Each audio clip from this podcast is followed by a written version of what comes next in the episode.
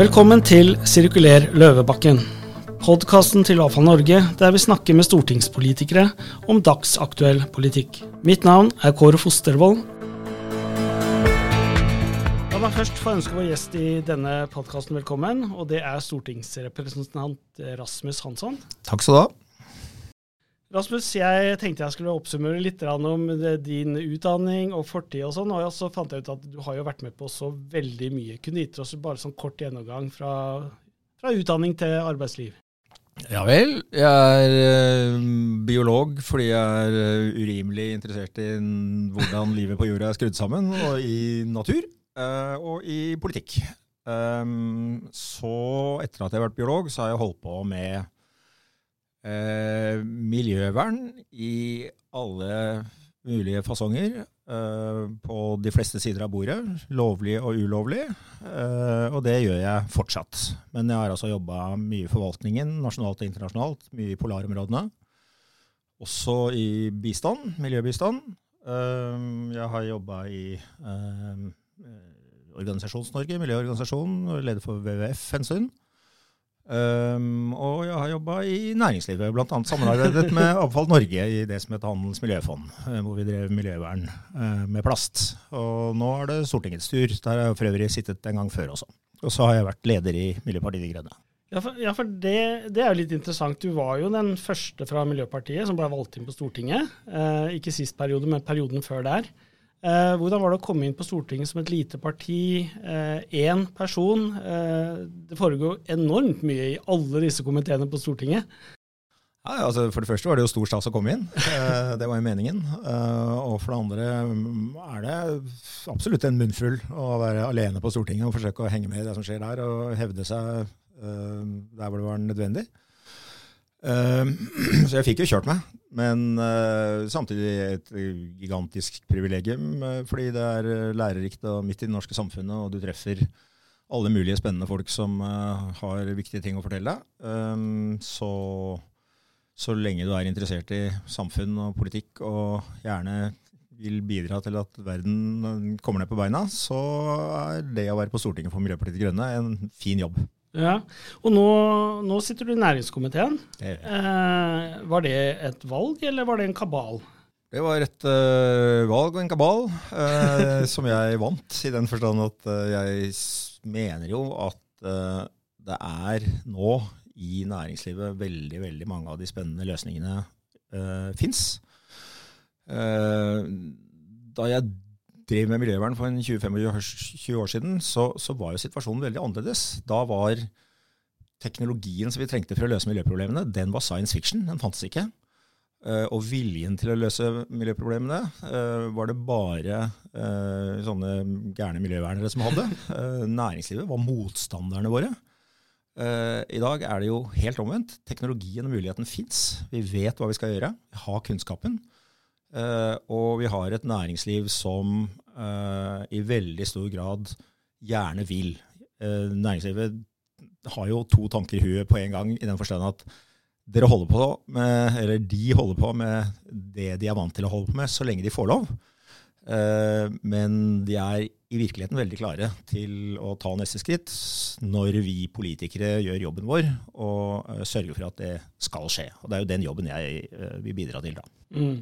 Og, og, som du var innom, Rasmus, og du har jo eh, en eh, vid erfaring eh, både når det gjelder utdanning, men også hva du har jobba med. og Du har vært ganske synlig og aktiv eh, miljøverner. og er det, er det, resultatet av alt det arbeidet du gjorde, eller det engasjementet du hadde når du var miljøverner, som gjorde at du tenkte at det, vet du hva, eh, skal vi få litt fortgang her, så må vi kanskje inn i politikken?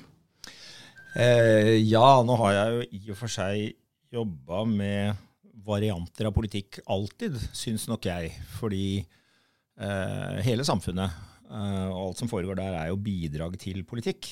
Eh, enten du jobber i forskningen og skaper, eh, eh, skaffer kunnskap, eller du jobber i forvaltningen og gjennomfører politikken og leverer eh, løsningsforslag eller du jobber i næringslivet, som er de som uh, gjør all ugagnen og har alle løsningene. Eller du altså havner der hvor selve politikken utføres, og der hvor de nye beslutningene og de nye rammevilkårene og de nye målene skal settes. Så jeg har på mange måter følt at jeg har drevet politikk eh, hele tida. Eh, og nå gjør jeg det på et eh, nytt sted. Eller nesten nytt, i hvert fall. Men det er, vel, det er vel et faktum at det er ikke alltid politikerne støtter seg på forskning og, og resultater fra forskningen.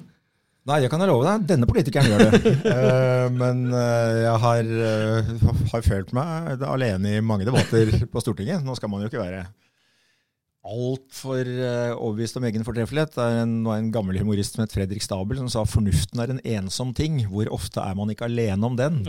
Uh, og det har jeg nok følt, uh, følt, mange ganger. Men det som er spennende, er at mange av de tingene som vi foreslo på Stortinget da jeg satt der fra 2013 til 2017, og som ble nedstemt med dunder og brak, de finner vi nå igjen i Hurdalsplattformen, i Arbeiderpartiets program og i alle de andre partienes program. Den lista er faktisk ganske lang. og det er jo alltids noe. At selv om de sa nei da, så har de rappa politikken vår etterpå. ja, og nå er vi inne på politikk, og jeg må jo, Rasmus Jeg fulgte jo valgkampen. Uh, vi fikk eh, FNs delrapport. Uh, klima var en stor sak. Dette skulle bli et brakvalg for de miljøpartiene som stilte til valg. Og det så veldig bra ut for Miljøpartiet De Grønne.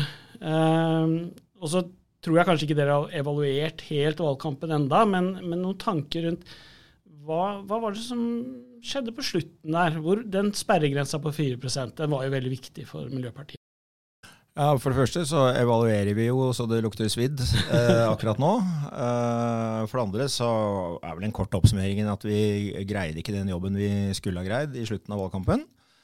Det var selvfølgelig eh, dels fordi vi var omgitt av veldig mange som hadde lyst til å ta rotta på oss, eh, og male et bilde av Miljøpartiet De Grønne som noen som vil gjøre livet til nordmenn fælt, mens virkeligheten jo faktisk er at vi gjerne vil at folk skal ha en en ålreit framtid å gå til, uten et uh, rasert livsmiljø og et, uh, et uh, forskrudd klima. Men den historien var de som var rundt oss, for flinke til å fortelle oss, og vi var for dårlige til å stå imot. Så vi endte jo opp i et parti som ble oppfattet som for spisst og for sint og for smalt. Og det heter valgkamp fordi det er kamp. og vi får jo bare innrømme at den kampen eh, klarte vi ikke godt nok eh, denne gangen til å komme over sperregrensa. Det var surt. Men eh, det er jo bare en, eh, et svar på det, og det er eh, å gå videre og klare det neste gang. Eh, men en positiv greie fra valgkampen er vel kanskje det at det endte med mindretallsregjering. Og jeg tenker på Nå er det jo flertallet er jo egentlig opposisjonen på Stortinget. Det, det, gir vel også dere noen muligheter for gjennomslag i tida ja, framover? Ja, det er, det, er, det er, et veldig interessant storting. For den mindretallsregjeringen som, av Arbeiderpartiet og Senterpartiet som vi nå har fått, den eh, har jo eh, to veldig ulike valgmuligheter for å få flertall for politikken sin. Enten så må de gå til venstresida Eh, og levere en politikk som uh, ligner mer eller mindre på det venstresidenpartiene ønsker, og i stor grad på det Miljøpartiet De Grønne ønsker. Eller så må det gå helt motsatt vei, til høyre, og levere en helt annen politikk. og det blir jo veldig spennende for alle, sikkert også for Jonas Gahr Støre, hva, hva, det ender med. Fordi, fordi de politiske resultatene blir, blir, blir, blir blir veldig forskjellig. Og når det første resultat kommer, så kommer det til å påvirke hva som skjer siden. Og en av de mulighetene som nå oppstår på Stortinget, det er jo at de partiene som er mest opptatt av miljø, som hittil aldri har klart å samarbeide, eh, de vet at til sammen så har vi 35 stortingsrepresentanter og kan påvirke Senterpartiet og Arbeiderpartiet kraftig hvis vi står sammen. Men da må SV og Venstre orke å krysse, slippe skjørtene til eh, henholdsvis eh, Jonas Gahr Støre og Erna Solberg. Og krysse den rød-blå grensa, som hittil for dem har vært viktigere enn den grønnfargen som Miljøpartiet De Grønne står for. Du var jo innom Hurdalsplattformen i stad, og du sa det står jo mye fint der. Eh, kanskje fremma andre partier for mange mange år siden, men nå er det endelig inne i plattformen. Eh, hvis du skulle vært så heldig og trukket det loddet, da, at du fikk lov å redigere inn et punkt i Hurdalsplattformen som ikke er der, eh, hva ville det vært? Eh, det ville vært en eh, naturlov eh, med naturregnskap for hele Norge. For det er det som jo har skjedd de siste 20-30 åra, det er at verden, næringslivet, finansbransjen, politikerne og teknologene har beveget seg fra å synes at det FNs klimapanel sa var bare urealistisk tull og dommedagsprofetier, til at klimavitenskapen er blitt et premiss for all politikk, for all teknologiutvikling, for all markedstenking, for alle investeringer. Eh, den overgangen kommer nå til å skje med natur. FNs naturpanel kommer etter hvert til å få samme tyngde som FNs klimapanel har. Og det som er en helt umulig tanke i dag, nemlig at vi må utvikle samfunnet vårt, transportere varene våre, den, skaffe den energien vi trenger, uh, skaffe, skape velferd og, og, fred uten å ødelegge mer natur. Men til og med mens vi bygger opp igjen i natur. Den tanken er jo helt klin umulig nå.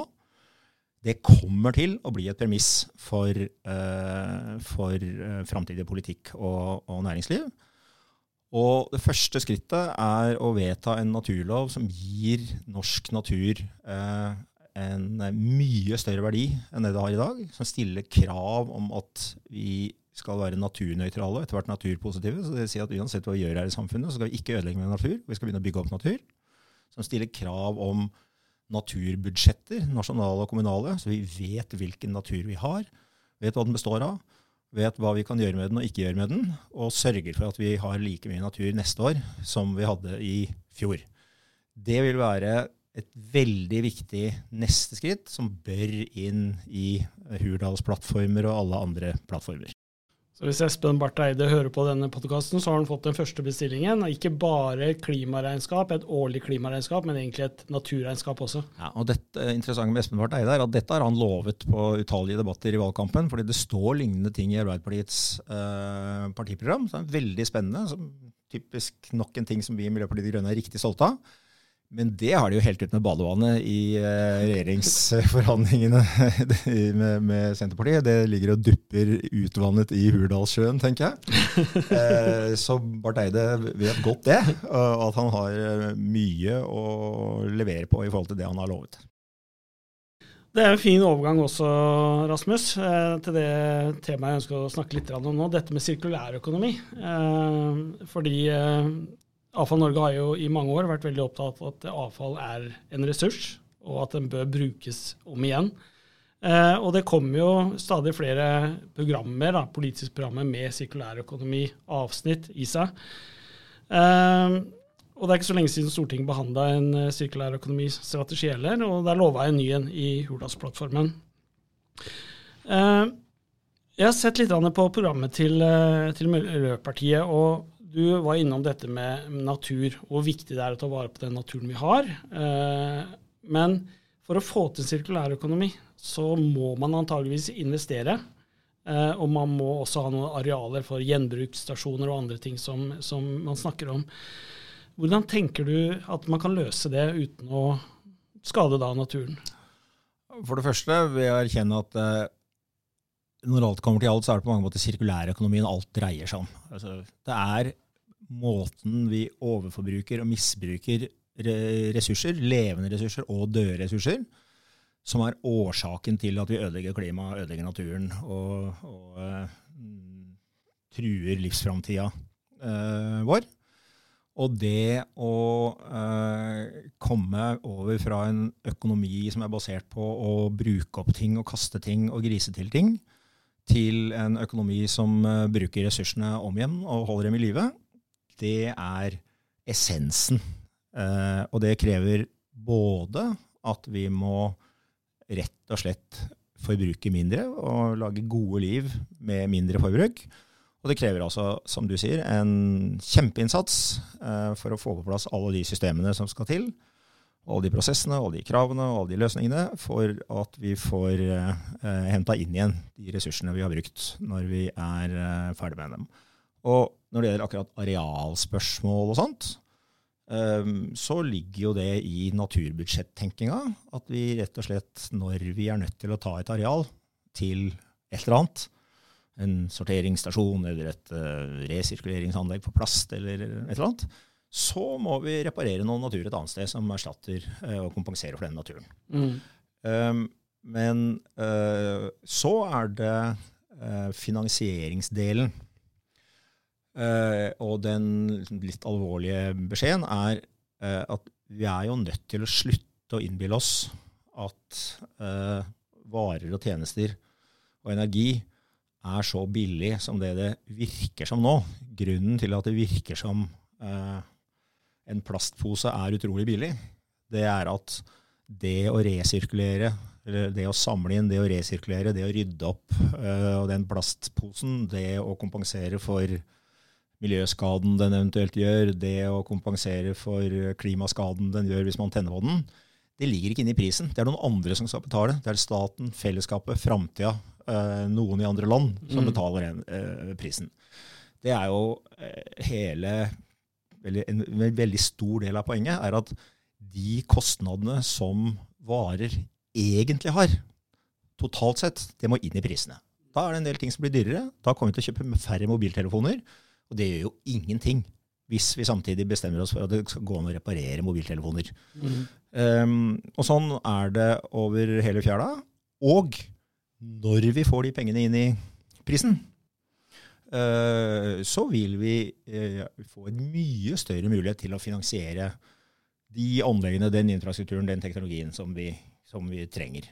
Og Du kan spørre meg litt om handelsmiljøfond, for det er et ganske interessant eksempel på det. Nå stopper jeg nå, så kan du spørre Ja, meg. jeg tror ikke vi skal gå inn på handelsmiljøfond, som du, har- som du har leda. Ja, fordi det er en utrolig interessant uh, og enkelt eksempel på finansieringsmuligheter. Eh, Så da sier jeg det likevel. Handels, handels, er en, er, en- er en superenkel eh, oppfinnelse. Man legger en miljøavgift på 50 øre, det skal etter hvert bli en krone, på hver plastbærepose som nordmenn kjøper i eh, dagligvarehandelen. Og fordi at vi kjøper forferdelig mange plastbæreposer, 740 millioner per år, så blir det norgeshistoriens uten eh, dikkedarer eh, største miljøfond, når de pengene blir samlet i Handels miljøfond. Eh, og de pengene brukes da til masse flotte miljøtiltak for å redusere miljøproblemene med plast. Men poenget er bare, bare på ett bitte lite filleprodukt som en plastbærepose, så kan man altså ta inn hundrevis av millioner kroner i året bare ved å legge på en 50-øring som kjøpekraftige nordmenn ikke merker engang. Eh, Og det viser altså med den enorme varestrømmen som vi har i Norge, så vil bare små øh, pristillegg generere store summer som vi kan bruke til ting som vi går rundt og innbiller oss at vi ikke har råd til. Uh, og det tar vi feil i. Men vi, ha, vi har råd hvis vi er villige til å betale bare litt mer, fordi varestrømmen er så kolossal. Og eh, i programmet der så har dere jo et par andre spennende punkter som jeg, jeg syns vi skal ta, sette av litt tid til. Det ene er eh, en plastavgift. Eh, og så snakker dere også om å ha flere returordninger. Eh, vi har jo en velfungerende returordning på ett produkt i dag, eh, men så snakker dere om flere. Eh, hvilken type produkter kan du tenke deg at det kunne passe å ha en, eh, en returordning på? Altså, returordninger er jo en sånn første skritt. Og det vil jo være naturlig på eh, produkter som vi bruker veldig mye av, og som er veldig standardiserte. Eh, sånn at det er enkelt å lage store, standardiserte nasjonale ordninger for å hente de produktene inn igjen. Mm. Akkurat hvilke det er, det eh, kan man bli enige om mellom næringslivet og staten og sånn, men det vil jo være de altså, Køen vil jo være de som med størst sannsynlighet eh, skaper forurensning eller forsøpling, som det er mest verdifullt og eh, ressursmessig å resirkulere, og så videre, Og lage den remsa. Mm. Um, men det som er den andre grunnen til at vi foreslår disse returordningene, er jo å eh, ta det neste lille skrittet i å stimulere hele samfunnet til å bare innstille seg på at ressurser som, er, som, finnes i produkter, de skal samles inn igjen. Om det er eh, panteordninger, andre returordninger eller, eh, eller, andre løsninger, er jo underordnet. Eh, til sjuende og sist så må jo målet være at enhver bedrift som eh, lager et produkt, eh, samler inn igjen det produktet eh, når det er ferdigbrukt, som en del av sin ressurskjede. Eh, og dermed får akkurat det, de ressursene de selv bruker i sin egen produksjon, tilbake igjen under full kontroll. Og samfunnet får null problemer med eh, forsøpling, forgiftning og resirkulering. Det er drømmesamfunnet. Starten på det er å øke eh, de enkle eh, returordningene. Ja. Uh, og samle inn, eh, det er jo viktig, men så blir jo spørsmålet hva, hva, skal vi bruke dette til? Om det er eh, avfall, som jeg har nevnt, vi mener har en verdi. så er det jo viktig at det, også forbruket ser at det nytter å kildesortere. Det, det, det, har en mening å betale mer for produktet. og da må jeg innom temaet biogass. fordi biogass ser jeg på som kretsløp i praksis. Eh, men eh, biogassen møter jo eh, også litt motstand. Jeg ser i programmet til Miljøpartiet så bruker dere begreper som fossilfri, utslippsfri og nullutslipp. Som betegnelse på om det skal være soner, eller om det skal være type kjøretøy, eller hva det skal være. Men inkluderer dette biogass, eller ekskluderer det biogass? Det inkluderer biogass. Ja. Vi mener jo det samme som Avfall Norge om biogass. Det er en helt uh, strålende ressurs som er evigvarende i den forstand at det alltid vil uh, bli produsert en masse organisk avfall uh, fra samfunnet vårt, fra landbruket og alle mulige andre deler av samfunnet, som kan og bør omsettes i biogass og, og gjødsel. og brukes til da, karbon, ikke utslippsfri egentlig, for å være helt nøyaktig, men, men karbonnøytral eh, transport eller andre ting som krever energi. Eh, så biogass er jo veldig underutnyttet og aldeles strålende, og også til dels veldig lokalt interessant ressurs. Eh, og Det høres jo litt ufarlig ut, altså dette med begreper og, og sånne ting. Men, eh, men, den forrige regjeringen, som gikk av, eh, fulgte jo ikke opp dette med å likestille biogass med, med nullutslippsløsninger som el og hydrogen. Eh, og det har jo en betydning i forhold til du ser hvilke karakterer biogass får opp imot el og hydrogen da, ved, ved innkjøpspolitikken i det offentlige. Ehm, så jeg er veldig glad for at du avklarte det, at Miljøpartiet har den meningen i hvert fall. Så, får det være min jobb å spørre alle partier om det samme. Uh, for jeg tror mange tror at det er en del av det, og så er det mange som jobber kanskje i offentlig sektor som tolker det litt annerledes. Ja, men, det, men dette er jo også fordi at vi fortsatt alle befinner oss i sirkulærøkonomiens barnehage. Eh, med masse uavklarte og dårlig definerte begreper som folk har mer eller mindre klare ideer om. Og dermed så oppstår det delvis mye surr, og delvis er det jo innbyrdes uh, interessemotsetninger i næringslivet. Uh, om hvordan man skal bruke hva, hvilke ressurser uh, noen har lyst til å markedsføre osv. Så, så Så vi kommer nok til å ha noen år foran oss hvor det fortsatt er litt virvar og uklarheter om sånt.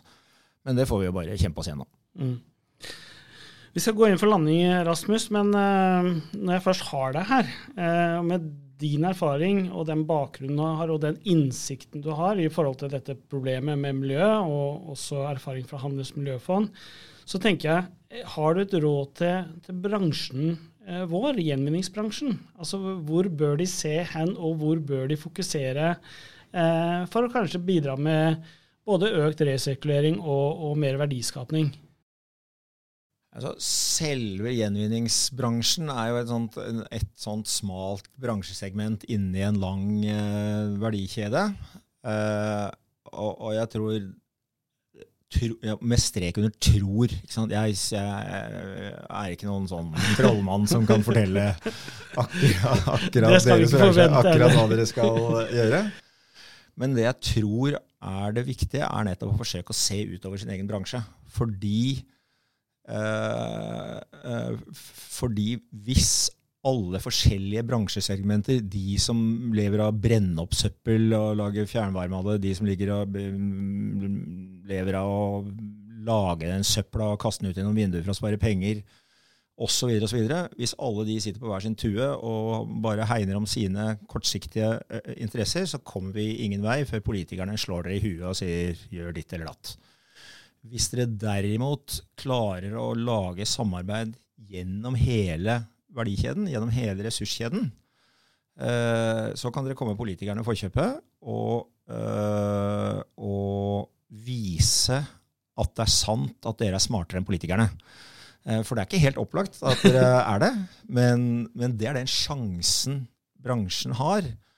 Eh, men da må det samarbeide til, og ikke masse sånne snevre stammekriger eh, rundt omkring i, i, avfallskjeden og resirkuleringskjeden. Så eh, snakk sammen. Avtal hvordan ting kan løses. Og påta dere forpliktelser og sett mål som går lengre enn det politikerne gjør. Og hvis ikke, så er det politikerne som kommer til å bestemme over dere. Det kan hende at det er kjempelurt, men eh, da er det dere som mister styringa. Og med det tipset fra stortingsrepresentant Rasmus Hansson i Miljøpartiet De Grønne ønsker jeg deg lykke til med det viktige arbeidet du og komiteen eh, har foran dere, Rasmus. Eh, og jeg håper dere får gjennomslag for de sakene vi er enige om vil bidra til mer sirkulær økonomi. Og til dere som har lyttet til denne podkasten, jeg håper dere har fått et lite innblikk i hvordan Miljøpartiet De Grønne tenker å bidra i arbeidet i næringskomiteen i tiden som kommer. Til slutt ønsker jeg alle dere en fin dag.